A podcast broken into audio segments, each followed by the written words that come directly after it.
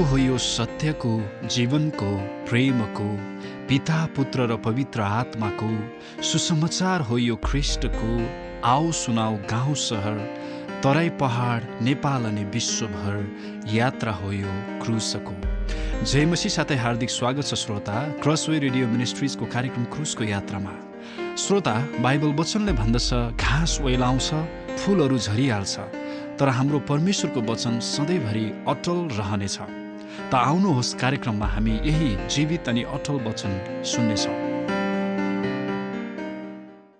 आजको वचनको खण्ड रहेको छ मत्ती छको उन्नाइसदेखि चौबिससम्म। यसरी लेखिएको छ आफ्नो निम्ति पृथ्वीमा धन सम्पत्ति नथुपार जहाँ किरा र खियाले ती नष्ट पार्छन् र जहाँ चोरले घर फोरेर ती चोर्छन्। र आफ्नो निम्ति स्वर्गमा धन सम्पत्ति थुपार जहाँ किराले वा खियाले नष्ट पार्दैन र चोरले पनि चोर्दैन। किनकि जहाँ तिम्रो धन हुन्छ त्यहीँ तिम्रो मन पनि हुन्छ। आँखा शरीरको बत्ती हो। यसकारण यदि तिम्रो आँखा स्वस्थ छन् भने तिम्रो सारा शरीर उज्यालो हुनेछ। तर तिम्रा आँखा खराब छन् भने तिम्रो सारा शरीर अँध्यारो हुनेछ। यसकारण तिमीभित्र भएको उज्यालो चाहिँ अँध्यारो भयो भने त्यो अँध्यारो कस्तो घोर हुन्छ? कसैले दुई मालिकको सेवा गर्न सक्दैन। किनभने त्यसले एउटालाई घृणा गर्नेछ र अर्कोलाई प्रेम गर्नेछ अथवा त्यसले एउटाप्रति भक्ति राख्नेछ र अर्कोलाई त्यसले तुच्छ ठान्नेछ। तिमीहरूले परमेश्वर र धन दुवैको सेवा गर्न सक्दैनौ। परमेश्वरको वचन? आजको वचन आदरणीय अगुवा एड्रिन देवानबाट सुन्नेछौँ। हुन्छ यहाँ सम्पूर्णलाई प्रभु यीशु ख्रिस्टको नाउँमा जयमसी फेरि पनि तपाईँहरूको अगाडि परमेश्वरको वचन लिएर आउन पाउँदा म आशिषित महसुस गरिराखेको छु अनि यो अवसरको लागि परमेश्वरलाई साथै मण्डलीका अगुवाजनहरूलाई पनि म धन्यवाद दिन चाहन्छु। हामी जटिल समयहरूमा बाँचिराखेका छौँ कोरोना भाइरसको पेन्डेमिकको समयमा यो लकडाउनको समयमा अनि सारा संसार नै एक प्रकारको एउटा थप्प अडिएको स्थितिहरू छ। जुन रफ्तारमा जुन तेज गतिमा केही नै हासिल गरौँला केही नै प्राप्त गरौँला भनेर एउटा एकदमै स्पिड हाम्रो भागिराखेको जीवनहरू हामीले नसोचेको कुरा है थप्प भएको स्थितिमा हामी आइपुगेका छौँ। अनि मेरो वचन पनि जुन चाहिँ शीर्षकमा हामीले श्रृङ्खलाबद्ध वचनहरू बाँटिराखेका छौँ कोरोना भाइरसको माझमा क्रिस्चियन जीवन भनेर। आजको मेरो टपिक चाहिँ छ कि यो महामारीको बिचमा घरमा लकडाउन भएर बसेको स्थितिमा चाहिँ हामीले हाम्रो सही खजानाहरूलाई चिन्ने मौका पाएका छौँ। हाम्रो जीवनहरू त्यही कुरातर्फ हाम्रो जीवनहरू तानिराखेको हुन्छ। जहाँनिर चाहिँ हाम्रो हृदयले खजाना भेटेको छ। जसरी वचन यहाँ पढिएको छ है मत्ती छ अध्यायको उन्नाइसदेखि चौबिस पदसम्म ख्रिस्ट येसुले सफासँगले भनिदिनु भएको कुरा एउटा हामीले धेरैचोटि बारम्बार सुनिराखेको वचन यही कुराहरूलाई नै तपाईँहरूको माझमा म आज लिएर आएको छु। वचन सुरु हुनुभन्दा अगाडि एउटा छोटो कविता पनि मैले यस शीर्षकमा आधारित रहेर लेखेको छु अनि त्यो कविता तपाईँहरूको अगाडि प्रस्तुत गरिनेछ। खजाना। आकाश मुनि धरतीमा यदृच्छाले डुल्ने ए विद्रोही हठी मानिस पाए जति सोहोर्ने दायित्व नबेहोर्ने आजाद आफैलाई ठानिस। प्रेमले शासन गर्नलाई सृष्टि जिम्मा पाएको लालची बेसरी बनिस। सार्वभौमिक म भए मेरो इच्छा पुरा होस् संसारमा भनी भनिस। तर पारी स्वतन्त्र आफैलाई त त झनै क्रूर दासत्वमा परिस। स्वाधीनताको दासत्व असीम इच्छाहरूको झ्याल खानाभित्र झरिस। रहरहरूको डन्डी र चाहनाहरूको दरो फलामे घेरो। वासना अभिलाषाको त फसी सख्त स्थायी हिरासतमा अधेरो। तेरो हृदय आगो झैँ इन्धन पुग्यो नभन्ने अनन्त कुण्ड जल्दो। खनाउँदै जाउ आहारा खनाउँदै जाउ आहारा अघाउँदैन त्यो खाल्डो। स्वतन्त्र साथ सब वस्तु हात पार्छु भन्ने लोभले स्वतन्त्रता मरेको। तैँले कब्जा गरेको खजानाको कब्जामा छ सधैँलाई परेको। हुन्छ कविताले भने झैँ साँच्ची नै हामी मानिस जातिहरू चाहिँ आफैलाई हामी स्वतन्त्र छौँ भनेर सोच्छौँ तर वास्तवमा हामीले कब्जा गरेको खजानाको कब्जामा हुन्छौँ। अनि जुन कुरालाई हामीले आफ्नो कब्जामा लिएको छौँ त्यसले नै हामीलाई कब्जामा लिएको हुन्छ।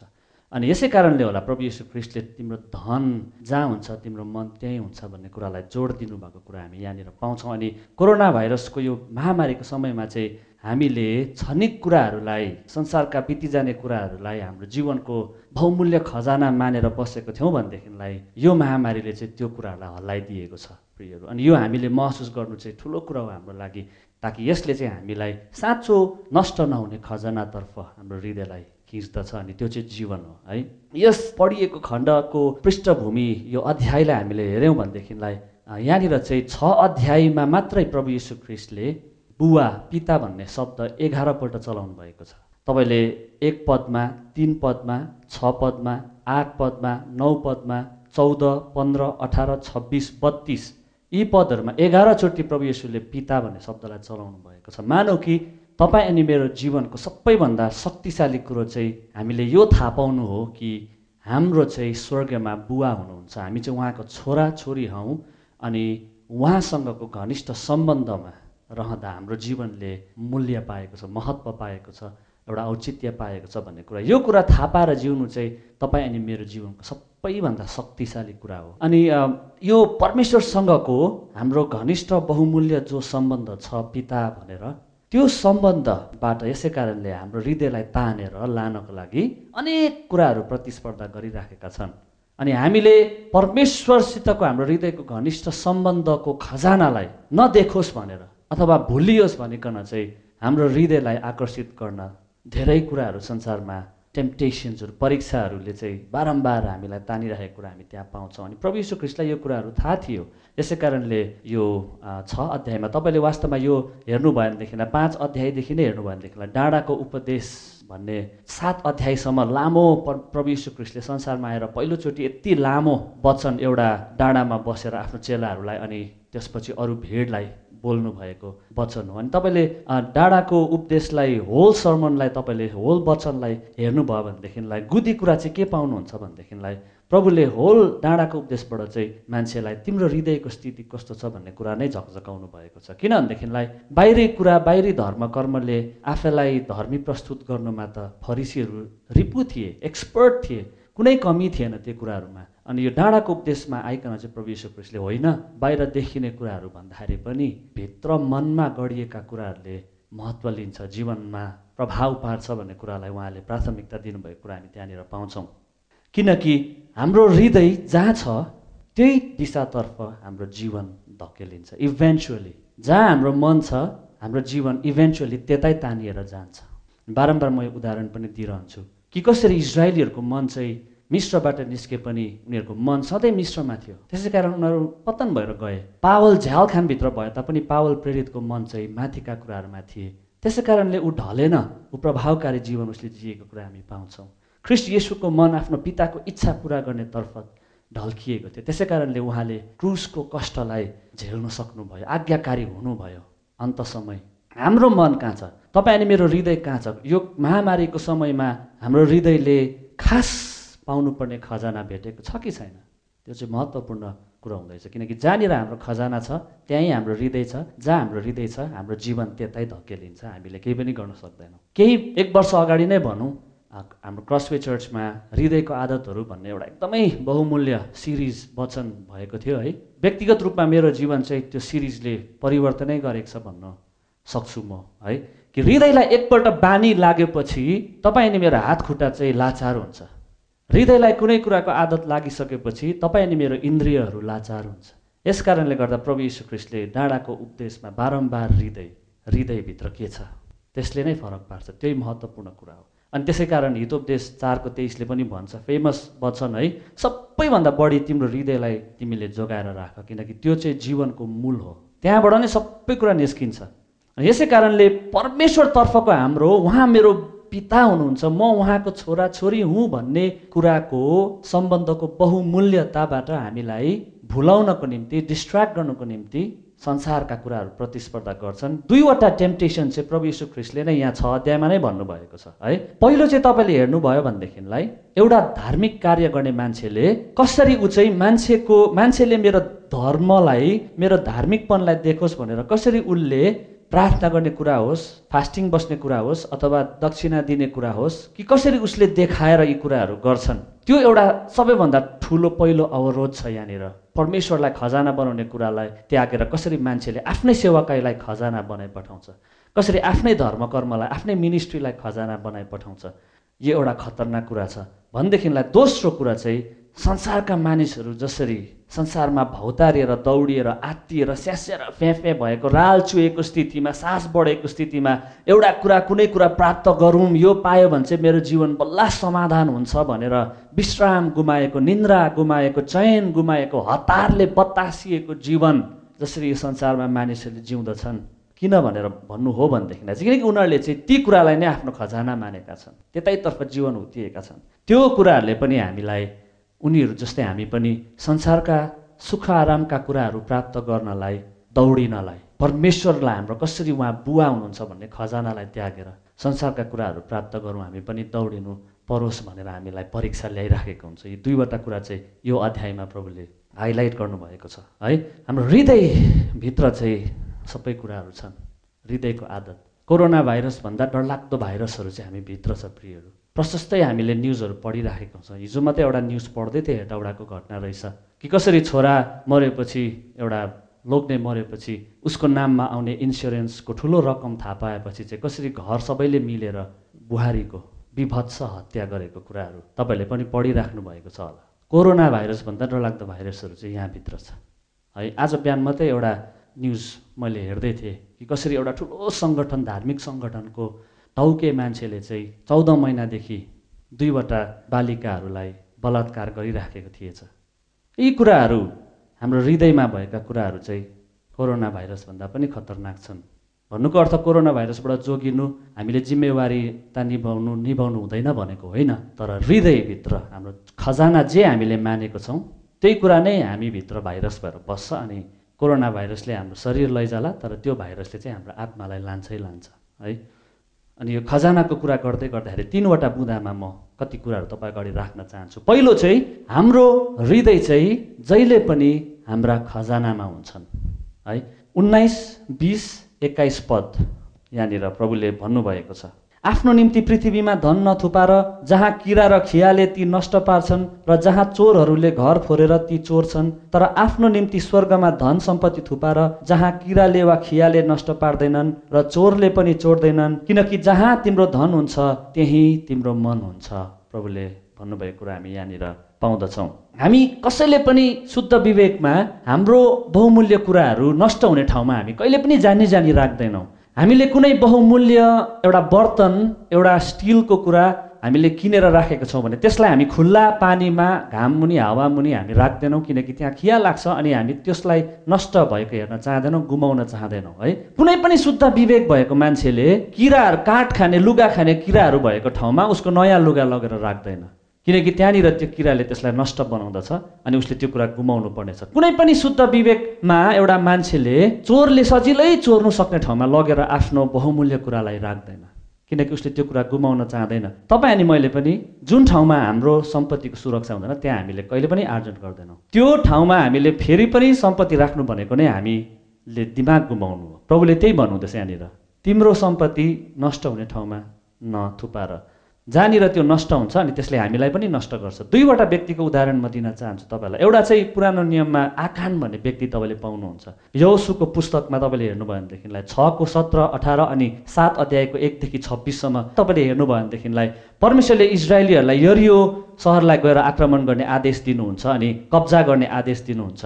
अनि त्यहाँ पुगेपछि त्यो सहरलाई जितेपछि त्यहाँको अशुद्ध कुराहरूबाट अलग रहनु अनि त्यहाँको सुन चाँदी अनि फलाम अनि पित्तलले बनेका बहुमूल्य त्यहाँ मालमाता सरसामानहरू चाहिँ लिएर परमेश्वरको घरमा कन्सिक्रेट गर्नु शुद्धिकरण गर्नु भनेर चाहिँ भनेको हुन्छ इजरायलीहरूलाई। तर त्यहाँनिर चाहिँ एकजना आकान भन्ने मान्छेले चाहिँ सुटुक्क आफ्नो लागि त्यो सुन चाँदीहरूबाट चोरेर उसले खनेर आफ्नो लागि उसले राखेको हुन्छ। अनि जुन कारणले गर्दाखेरि चाहिँ इजरायलमा परमेश्वरको क्रोध आउँदाखेरि इजरायलीहरूले नराम्रो प्रकारले लडाइँ हारेको कुरा हामी त्यहाँ पाउँछौँ। अनि जब पछाडि आकानको बारेमा पत्ता लाग्छ तब आकान पनि मृत्युदण्ड आकानले पनि पाएको कुरा हामी त्यहाँनिर देख्दछौँ।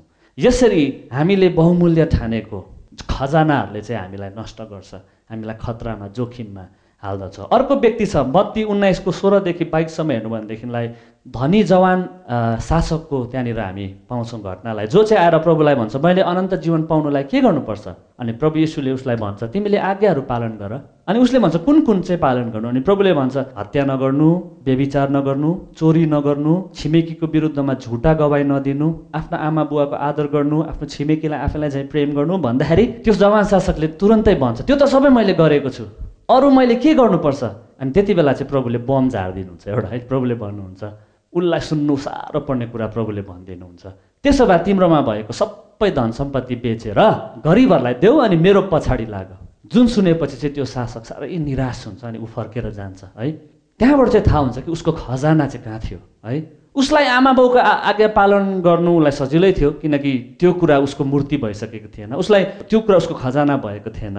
उसलाई चाहिँ चोरी नगर्नु बेविचार नगर्नु पनि त्यति साह्रो थिएन किनकि त्यो कुरा उसको खजाना भइसकेको थिएन। तर जब धन सम्पत्ति बेचेर दिने कुरा आयो त्यति बेला चाहिँ त्यो व्यक्ति निराश भएको छ किनकि प्रभु यीशु क्रिस्टले उसको खजानामै हिर्काइदिनु भएको छ त्यहाँनिर है। तपाईँ अनि मेरो खजाना कहाँ छ? यो चाहिँ महत्त्वपूर्ण कुरा छ किनकि जुन कुरालाई हामी सबैभन्दा बहुमूल्य जीवनमा ठानेको छौँ त्यही कुराले नै हाम्रो आराधना लान्छ त्यही कुराले नै हाम्रो ध्यान लान्छ त्यही कुराले नै हाम्रो निर्णयहरू लान्छ त्यही कुराले नै हाम्रो कदमहरू लान्छ त्यही कुराले नै हाम्रो गन्तव्य बन्छ त्यही कुराले नै हाम्रो जीवनलाई खिचेर लाँदछ।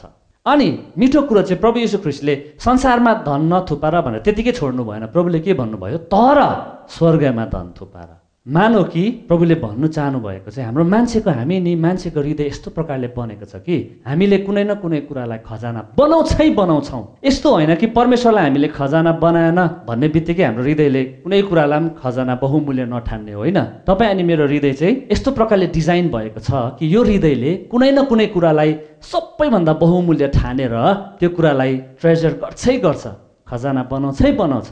अनि प्रभु यीशु ख्रिस्टले भन्छ किनकि तिमीहरूको मानौ कि तिमीहरूको हृदय खजाना नबनाइकन बस्नु सक्दैन? यस कारणले स्वर्गमा खजाना थुपा जुन कुरा तिम्रो लागि अनन्तसम्म रहन्छ है जहाँनिर किरा लाग्दैन खिया लाग्दैन चोरले चोर्दैन। अब यो स्वर्गमा धन थुपार्ने कुराहरूमा पनि विभिन्न कुराहरू छन्। जस्तै स्वर्गमा हामीले कसरी धन थुपार्न सक्छौँ भन्दाखेरि हामीले संसारमा दिएका कुराहरू मुठी खोलेका कुराहरू पछि हामी स्वर्गमा प्रभुलाई भेट्दा इनाम स्वरूप पाउने कुराहरू पनि बुझिन्छ। एउटा स्वर्गमा धन थुपार्नु भन्ने कुरा गर्दा। जसरी लुका बाह्रको बत्तिस र तेत्तिसमा हामीले हेऱ्यो भनेदेखिलाई प्रभु यीशु ख्रिस्टले आफ्नो चेलाहरूलाई आफ्नो सामान मालमत्ताहरू बेचेर गरिबलाई दिनु भन्ने कुरा सिकाउनु भएको छ भने लुका चौधको तेह्र र चौध हेऱ्यो भनेदेखिलाई यस्तो व्यक्तिहरूलाई देऊ जसले तिमीलाई फिर्ता दिन सक्दैन।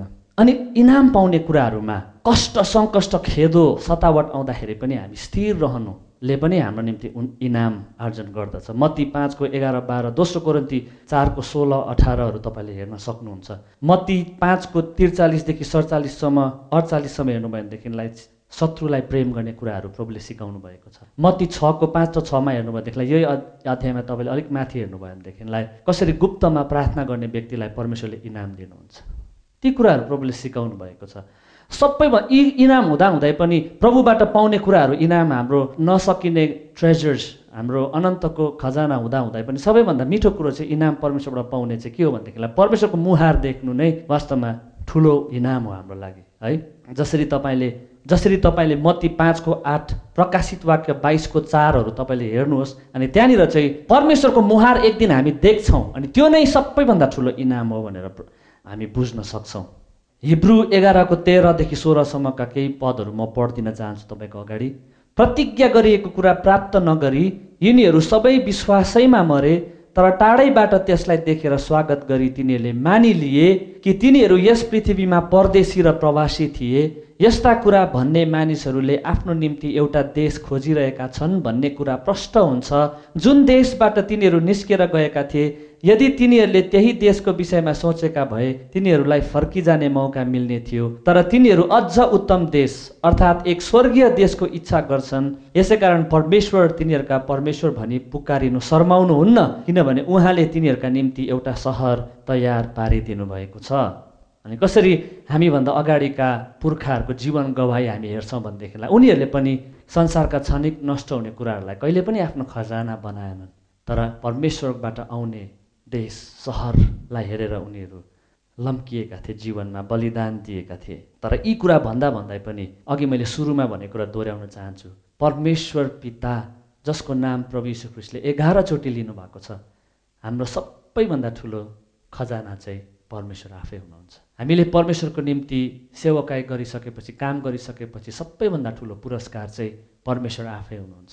स्वर्गमा धेरै सुन्दर असल कुराहरू छन् तर प्रभुलाई माया गर्ने मान्छेहरू प्रभुकै उपस्थितिले तानिएका हुन्छन्। विभिन्न उदाहरण छन् जसरी परमेश्वरको उपस्थिति बिनाको कनान देशमा मोसा पुग्न चाहेको थिएन प्रभु यीशु ख्रिस्ट नभएको उहाँको मुहारको सुन्दरता नदेखिने ठाउँमा पावल जान चाहेको थिएन त्यसरी नै तपाईँ अनि मेरो जीवनको सबैभन्दा ठुलो खजाना चाहिँ ख्रिस्ट येसु नै हुनुहुन्छ। किनभनेदेखिलाई मती छको एक्काइसमा हामीले हेऱ्यो भनेदेखिलाई प्रभु यीशुले लु अब यति भने मैले लु काममा लग। आफ्नो लागि धन सम्पत्ति स्वर्गमा थुपार्नु थाल भनेर काम लगाउनु भएको छैन तर प्रभुले हृदयमा लिएर टुङ्गाउनु भएको छ। प्रभुले के भन्नुभएको छ भनेदेखिलाई जहाँ तिम्रो हृदय हुन्छ जहाँ तिम्रो खजाना हुन्छ त्यहीँ तिम्रो हृदय हुन्छ। प्रभुलाई थाहा थियो मान्छेको स्थिति। बाहिर देखाउने धर्मकर्ममा त फरिसीहरू एक्सपर्ट थिए कसैले सिकाउनु पर्थेन। तर उनीहरूको हृदय चाहिँ खराब थिए अनि प्रभुले यहाँ बारम्बार चेलाहरूलाई हृदयको कुरा झकझकाउनु भएको कुरा हामी पाउँछौँ। जसरी एउटा अनुभवी डक्टरले एउटा बिरामीको बिमारलाई थाहा पाउन त्यो बिमारको जरा कहाँ हो भनेर सारा शरीरलाई उसले केरकार गर्छ। जरा थाहा पाउनु त्यो रोगको। त्यसरी नै प्रभु यीशु ख्रिस्टलाई पनि थाहा छ कि हाम्रो जीवनको सबै समस्याहरूको जरा चाहिँ हृदय छ। खास द्वन्द चाहिँ यहाँभित्र छ। अनि त्यसै कारणले प्रभु यीशु ख्रिस्टले तुरन्तै काम लगाउने कुरा भन्दाखेरि पनि हृदयलाई जान्छ हृदयलाई हेर भन्नुभएको छ। किनकि हृदयमा जे छ हात खुट्टाले त्यही मान्छ। हामीले के गर्नु र के नगर्नु भन्दा महत्त्वपूर्ण चाहिँ हामीले के चाहनु र के नचाहनु हो हाम्रो हृदयले। किनकि हामीले जुन कुरालाई सबैभन्दा धेरै महत्त्व दिएका हुन्छौँ त्यही कुराको प्रतिबिम्ब नै हाम्रो जीवनशैली हुन्छ। दोस्रो बुँदा हाम्रो आँखाहरू जहिले पनि हाम्रो खजानामा हुन्छन्। पहिलो बुँदा हाम्रो हृदयहरू जहिले पनि हाम्रो खजानामा हुन्छन्। दोस्रो बुँदा हाम्रो आँखाहरू जहिले पनि हाम्रो खजानामा हुन्छन्। अब यो आँखाको कुरा गर्दाखेरि तपाईँले त्यहाँनिर त्यो पद पाउन सक्नु छको बाइस र तेइस म पढिदिन चाहन्छु है? आँखा शरीरको बत्ती हो यसकारण यदि तिम्रा आँखा स्वस्थ छन् भने तिम्रो सारा शरीर उज्यालो हुनेछ तर तिम्रो आँखा खराब छन् भने तिम्रो सारा शरीर अँध्यारो हुनेछ। यसकारण तिमीभित्र भएको उज्यालो चाहिँ अँध्यारो भयो भने त्यो अँध्यारो कस्तो घोर अँध्यारो हुनेछ। अब यो आँखाले देख्ने कुरा गर्दाखेरि दुईवटा कुरा आउँछ। एउटा चाहिँ हाम्रो शारीरिक आँखाले देख्ने कुरा अर्को चाहिँ हाम्रो शारीरिक आँखा बन्द हुँदा हाम्रो दिमागले देख्ने कुरा। हाम्रो दर्शनहरू दुइटै कुरा यसले पक्रिन्दछ। हामीले हाम्रो आँखाले हेर्न रुचाएका कुराहरूले त हामीलाई प्रभाव गर्छै गर्छ किनकि आँखा ल्याम्प हो एउटा विन्डो हो जहाँबाट चाहिँ आत्मामा ज्योति पस्छ भनेदेखिलाई हाम्रो आँखा बन्द हुँदा हाम्रो मनले दिमागले कस्तो चित्रहरू देख्छ। त्यो अझै महत्त्वपूर्ण। कि हाम्रो बन्द आँखा बन्द हुँदा हाम्रो मनले यीशु ख्रिस्टको राज्य आएको यीशु ख्रिस्टको राज्य छरिएको कुराहरू देख्छ या त हाम्रो शरीरको अभिलाषाहरू पुरा भएको कुराहरू देख्छ। किनकि जहाँनिर हाम्रो खजाना हुन्छ त्यहीँनिर हाम्रो दर्शन हुन्छ हाम्रो आँखा हुन्छ। दुईवटा उदाहरण दिन चाहन्छु। हननिया र सफिरा कुरा हामीलाई थाहा छ। प्रेरित पाँचको एकदेखि एघारमा हेर्नुभयो भनेदेखिलाई हननिया र सफिराले चाहिँ त्यति बेलाको समयमा त्यही मण्डलीमा हरेक विश्वासीले आफ्नो सामान बेची बेचिकन पैसा दिन्थे प्रेरितलाई अरूको सेवकाईको लागि दिन्थे है। अनि हननिया र सफिराले पनि आफ्नो जमिनहरू बेचेको छ। अनि उनीहरूले त्यो बेच्दा अवश्य पनि ओहो कस्तो दानी मान्छेहरू हेर त। कस्तो चाहिँ कस्तो चाहिँ धर्मी मान्छेहरू हेर त भनेर उनीहरूले प्रशंसा पाएका छन्। सबैको अगाडि उनीहरूले बेचेको छ त्यो कुराहरू। उनीहरूले धर्मी उपाधि पाएका छन्। तर जब प्रेरितको अगाडि उनीहरूले पत्रुसको अगाडि त्यो पैसा लिएर आउँछ पत्रुसले थाहा पाउँछ यिनीहरूले त पैसा चोरेको रहेछ। अनि त्यहीँनिर पत्रुसकै अगाडि परमेश्वरले हन्नानिया र सफिराको प्राण लिनुभएको कुरा हामी त्यहाँनिर पाउँछौँ। कति कठोर न्याय।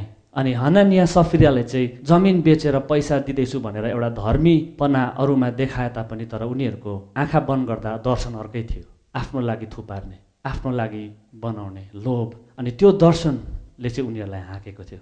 हामीले पनि आफैलाई जाँच्नुपर्छ। है परमेश्वरको लागि दिँदै गर्दा छुट्याउँदै गर्दा दशांश भेटीहरू दिँदै गर्दा हाम्रो भिजन चाहिँ के छ वास्तवमा? हाम्रो आँखाले के दर्शन देखिरहेको छ? त्यहाँनिर नै हाम्रो जीवनको निर्णय क्रियाकलापहरू झुम्बिन्छन्। या त हाम्रो दर्शन ख्रिस्टकै राज्य भएको छ। अर्को चाहिँ छ मूर्ख धनी मान्छेको उखान। जहाँनिर उसले प्रभुले भन्नुहुन्छ लुका बाह्रको तेह्रदेखि एक्काइसमा त्यहाँनिर उसले धेरै उब्जनी भएपछि यति साह्रो खुसी हुन्छ ऊ। उसले भन्छ ओहो मेरो त धेरै कमाइ भयो। अब म यो पुरानो सबै यो मेरो भन्सारहरू भत्काएर नयाँ बनाउँछु। ठुलो ठुलो बनाउँछु अनि थुपार्छु त्यसपछि धेरै वर्षलाई पुग्ने थुप्रिएपछि मजा गर्दै बस्छु भनेर उसले सोध्छ। अनि प्रभुले भन्छ कि त्यही बेलुका नै परमेश्वरले उसलाई भन्यो तेरो प्राण आजै म तँबाट लिन्छु। अनि प्रभुले भन्नुभएको छ यसै कारण आफ्नो लागि धनी हुने तर परमेश्वरप्रति धनी नहुने मान्छेको यस्तै हालत हुन्छ भनेर प्रभुले त्यहाँ भन्नुभएको छ। हामीले आँखा बन्द गर्दा कस्तो नक्सा देख्दैछौँ हाम्रो खजानाहरूको चित्र कस्तो छ? त्यहाँनिर नै हाम्रो भिजन हुन्छ हाम्रो दर्शन हुन्छ। तेस्रो अन्तिम बुँदा यो महत्त्वपूर्ण छ। जहाँनिर हाम्रो खजाना छ त्यही कुरालाई हामी सेवा गर्छौँ। अनि मत्ती छको चौबिस म चाहन्छु। कसैले दुई मालिकको सेवा गर्न सक्दैन। किनभने त्यसले एउटालाई घृणा गर्नेछ र अर्कालाई प्रेम गर्नेछ अथवा त्यसले एउटाप्रति भक्ति राख्नेछ र अर्कालाई त्यसले तुच्छ ठान्नेछ। तिमीहरूले परमेश्वर र धनको सेवा गर्न सक्दैनौ। यहाँ पनि प्रभु यीशु ख्रिस्टले आफ्नो चेलाहरूलाई सफासँग भन्नुहुँदैछ कोसिस नगर कोसिस नगर। दुईजनालाई सेवा गर्ने दुइटै संसारको चाहने कोसिस नगर। किनकि एउटाले हार्छै हार्छ अर्कोले जित्छै जित्छ। अनि आज पनि प्रभुले हामीलाई त्यही भन्नुहुँदैछ। तिम्रो गार्दन कहाँ छ? तिम्रो खजाना कहाँ छ? कसको सेवा गर्ने सोचेको छ? किन जुन कुरालाई हाम्रो हृदयले सबैभन्दा ठुलो खजाना पाएको छ त्यही कुराको नै हामी सेवा गर्दछौँ। हामी परमेश्वर र पैसालाई सँगै सेवा गर्न सक्दैनौँ। हामी परमेश्वर र आफ्नो ख्यातिलाई सेवा गर्न सक्दैनौँ सँगै। हामी परमेश्वर र आफ्नो परिवारको सदस्यहरूलाई आराधना सँगै गर्न सक्दैनौँ। हामी परमेश्वर र संसारका अभिलाषालाई सँगै आराधना गर्न सक्दैनौँ। एउटाले जित्छ अर्कोले हार्छ। दुइटामा एउटा हामीले छान्नु पर्ने हुन्छ। यस कारणले सेवा हामी त्यसलाई नै गर्छौँ। जुन कुरालाई हामीले ठुलो खजाना मानेका छौँ। जबसम्म हाम्रो खजानाको सफा ज्ञान हामीमा हुँदैन हाम्रो सेवा पनि हामी प्रभावकारी र निश्चित रूपमा गर्न सक्दैनौँ। पावलले फिलिपी तिनको साथ आठमा भनेको कुराहरू संसारको सबै वा पावल त फरिसीहरूको पनि फरिसी थिए। होइन ज्ञानको कुरा गर्नु भने ऊ त ज्ञानी मान्छे यहुदी कुरा गर्नु भने त ऊ त झन् कट्टर यहुदी मान्छे एकदम जिलले भरिएको। तर पावल आफैले पनि के भन्यो भनेदेखिलाई यी सबै कुराहरू चाहिँ म गोबर सर ठान्छु ख्रिस्टलाई चिन्न पाउने कुराको तुलनामा।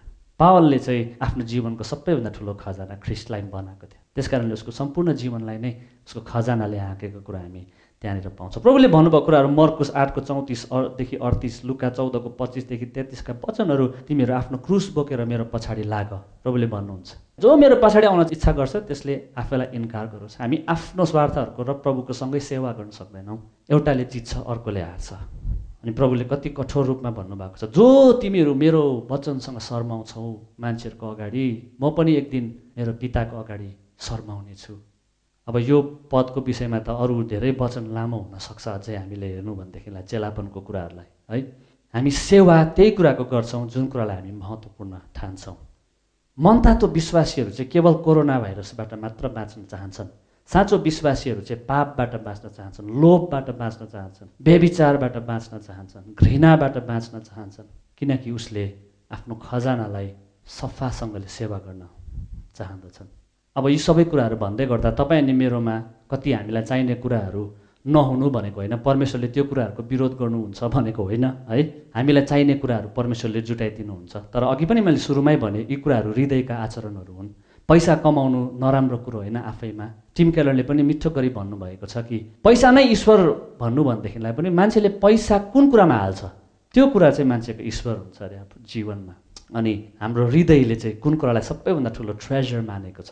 यो पेन्डेमिकको समयमा म यो निश्चित छु कि तपाईँ अनि म हामी सबैजना घरमा लकडाउन भएको स्थितिमा बस्दा हामीलाई एउटा कुरो चाहिँ सफासँग के जानकारी हाम्रो हृदयमा पवित्र आत्माले के भन्नुभएको छ भनेदेखिलाई टली जाने छनिक कुराहरूलाई चाहिँ जरा गाडेर नबस्नु।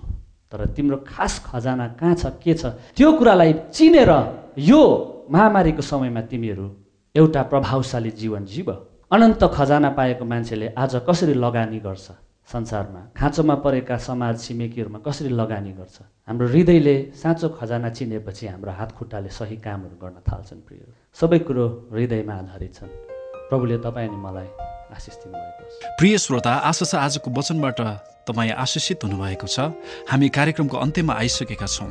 यदि तपाईँहरू कुनै खोजमूलक प्रश्न साथै येसु ख्रिस्टको बारेमा अझै जान्न चाहनुहुन्छ भने हामीसँग सम्पर्क गर्न सक्नुहुन्छ। पत्रचारको लागि हामीहरूको ठेगाना यस प्रकार छ। PO box eight nine seven five EPC seven nine zero PO box eight nine seven five EPC seven nine zero यदि तपाईँहरू हामीलाई फोन मार्फत सम्पर्क गर्न चाहनुहुन्छ भने हामीहरूको फोन नम्बर यस प्रकारको छ। Nine eight two four three one four six five four.